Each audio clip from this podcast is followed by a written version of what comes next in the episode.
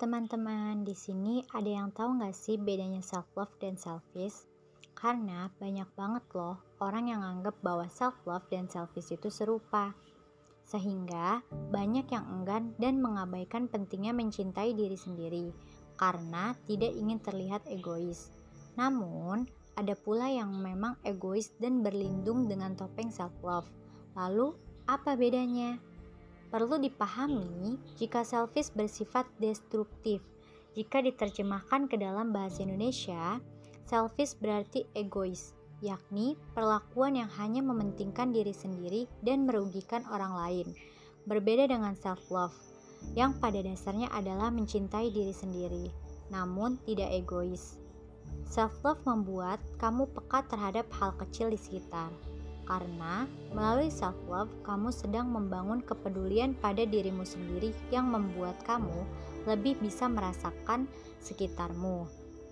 Self love merupakan sebuah perlakuan dari diri kita terhadap diri kita sendiri berupa penerima, memaafkan, menghargai, dan memahami diri kita itu seperti apa, baik fisik maupun bagian dalam dari diri kita. Dengan mencintai diri sendiri, kita tidak melulu menuntut diri kita untuk menjadi sama dengan nilai orang lain. Kita bisa lebih memahami apa yang sebenarnya kita butuhkan dan mengesampingkan hal-hal yang tidak terlalu penting untuk dilakukan. Nah, selfie sendiri adalah tindakan yang dilakukan karena rasa takut akan tertinggal dari orang lain perasaan ingin lebih unggul, namun tidak memikirkan posisi orang lain demi keuntungan dirinya sendiri. Namun sebenarnya, selfish bisa menjadi sebuah keharusan dalam proses mencintai diri sendiri. Lah, kok demikian? Contohnya, ketika kita berada dalam lingkungan yang toksik atau memiliki pengaruh buruk dan merugikan bagi diri kita, maka kita harus segera menjauh walaupun mereka membutuhkan kita. Tegasnya, kita harus bisa mensortir yang masuk dan keluar maupun yang tetap tinggal. Jadi, bisa ditarik kesimpulan ya, jika self love memiliki karakteristik sikap didorong oleh rasa cinta, selalu mempertimbangkan diri sendiri dan orang lain sebelum mengambil keputusan, tidak semata-mata hanya memikirkan keuntungan atau kesenangan pribadi, dan membantu mensukseskan di jangka panjang.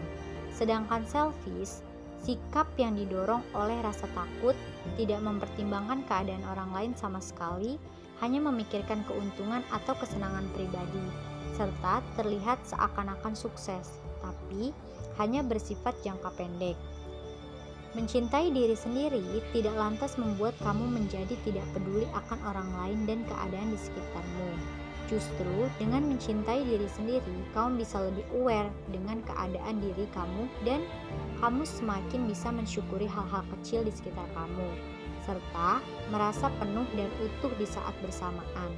Dengan begitu, kamu bisa semakin menyadari, merasakan, dan menghargai orang-orang terkasih di samping kamu.